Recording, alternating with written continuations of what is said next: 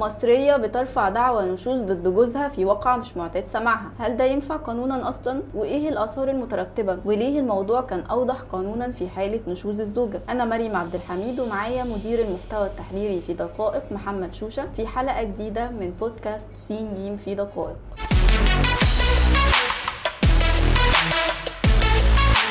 هل في أي مرجع لنشوز الزوج أو مبرر لطلبه في منزل الزوجية؟ قانونا مفيش نص بيدور صراحة حوالين النقطة دي. هنا هنحتاج نروح ناحية النصوص الدينية باعتبار الدستور المصري يعتبر الشريعة الإسلامية مصدر للتشريع. الشريعة بتقول إن الرجال قوامون وفي تفسير آيات الأحكام لمحمد علي السيس مثلا شرح واضح للنقطة دي باعتبار إن القوامة بتخلي الراجل رئيس للمرأة وما يجوزش للمرؤوس إنه يعاقب رئيسه وإلا هتضيع هيمنة الرئيس. طبعا هنا بنستخدم مصطلحات قال كمان إن الله فضل الرجال على النساء في العقل والدين. بالتالي نشوز المرأة محتمل جدا. يمكن لنقصانها أو توهمها وده واضح في الآية اللي بتقول وإن امرأة خافت من بعلها نشوزا أو إعراضا باعتبار أن نشوز الراجل مش الطبيعي إنه يكون حقيقي لكنه على الأغلب مبني على الافتراض. وحتى لو حصل فالراجل الناشز هنا لسه راجل ولسه رئيس ولسه سيد. بالتالي فنشوز الزوج صحيح موجود في الشريعة لكن الشريعة اعتبرت إن لو الراجل ناشز فجزئيا المرأة هي اللي غلطانة. وجزئيا احتمال كبير تكون موهومة. وفي كل الأحوال حتى لو هو مش طايقها فهو هيكون عنده حق التطليق. لكنها ما بتملكش الحق ده فبالتالي هتحتاج تروح للقاضي فكان التفصيل في حالة الزوجة أكتر منه في حالة الزوج. يعني باختصار في أي أرضية لتحريك دعوى بنشوز الزوج؟ إجابة قاطعة يعني لا مفيش. القانون ما جاش ناحية السيرة دي خالص والشريعة وإن كانت اعترفت بالحالة لكنها ما اعترفتش بأي نتائج مترتبة عليها إلا إن الزوجة تسعى لطلب الصلح مع الزوج.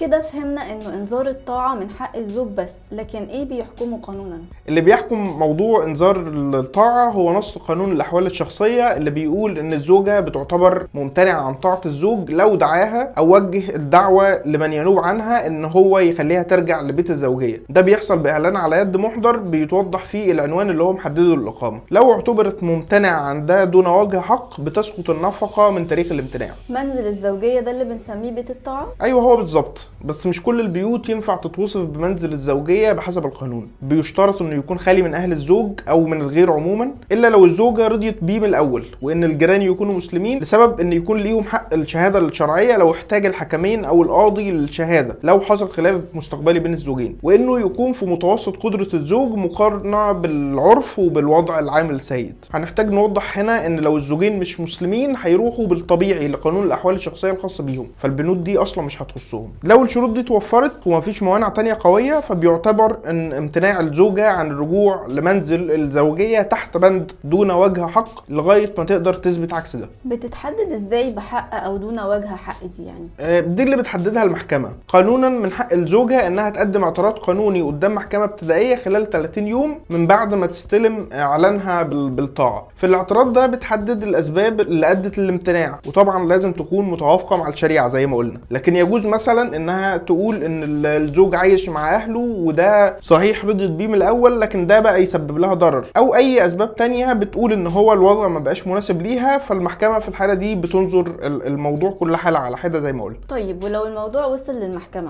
إيه الاحتمالات المتاحة؟ المحكمة الأول بتحاول تتدخل للصلح ومحاولة استمرار الحياة الزوجية. لو فشلت بتبدأ للنظر في أسباب الامتناع اللي الزوجة قدمتها. لو شافتها مش مستندة للشريعة بتقرر وقف النفقة وبتروح ناحية إجراءات قانونية تانية. الإجراءات دي في الغالب بتبقى مستندة للشريعة برضو بتبدأ باستدعاء حكمين واحد من أهل الزوجة وواحد من ال- الزوج اللي بياخدوا مهلة أساسية ست شهور بعدين مهلة إضافية ثلاث شهور قبل ما تعتبر المحكمة إنهم فشلوا في مهمتهم بعدها بيرفعوا توصيات محددة للمحكمة عشان تاخد القرار على أساسه. بعدها بيرفعوا توصيات محددة للمحكمة عشان تاخد القرار على أساسها. إيه نوع التوصيات اللي الحكمين ممكن يرفعوها بعد إنذار الطاعة؟ بحسب القانون لو لقى الحكمين ان الاساءه كلها من جانب الزوج بيقترحوا إن الزوج يطلق طلقة بائنة والزوجة بعدها بتاخد كل الحقوق القانونية والشرعية. لو الإساءة مشتركة أو ما قدروش يوصلوا لحل أصلا فبيقترحوا إن الطلاق بيحصل مع إسقاط تقريبا كل الحقوق. المفاجأة هنا إنهم لو لقوا إن الإساءة كلها من جانب الزوجة فبيقترحوا التطليق نظير حاجة بيسميها القانون بدل أو تعويض بتلتزم بيه الزوجة. طيب ما في احتمال واقعي جدا إن كل حكم يتحمق للي يخصه؟ إيه اللي بيحصل وقتها؟ المفروض إن الحكمين بيكونوا بين قوسين بحسب ال- النص الشرعي أو القانوني يعني عدول وبيختاروا بشكل ما يحاول يضمن إنهم يحاولوا يعدلوا وكمان بيقسموا يمين قدام المحكمة إنهم ما يكونوش متحيزين للطرف اللي يخصهم. بعد كل ده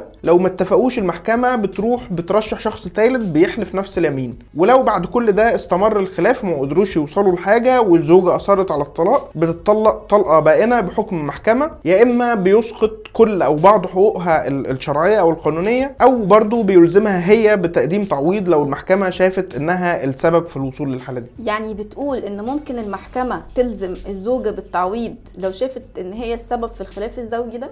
أيوه لو التقارير اللي اترفعت للمحكمة أو المحكمة نفسها بشرت القضية وشافت إن الزوجة هي ال- ال- الطرف المتسبب في الخلاف فأيوة هي اللي بتكون ملزمة بإنها بتدفع التعويض. تدفعه لجوزها؟ بتدفعه لجوزها يعني ما شفناش قضايا بالشكل ده قبل كده يمكن بس آه بس القانون بيقول ده. نتمنى نكون جاوبنا على أهم الأسئلة المتعلقة بالموضوع. كان معاكم مريم عبد الحميد ومحمد شوشة في بودكاست سين جيم في دقائق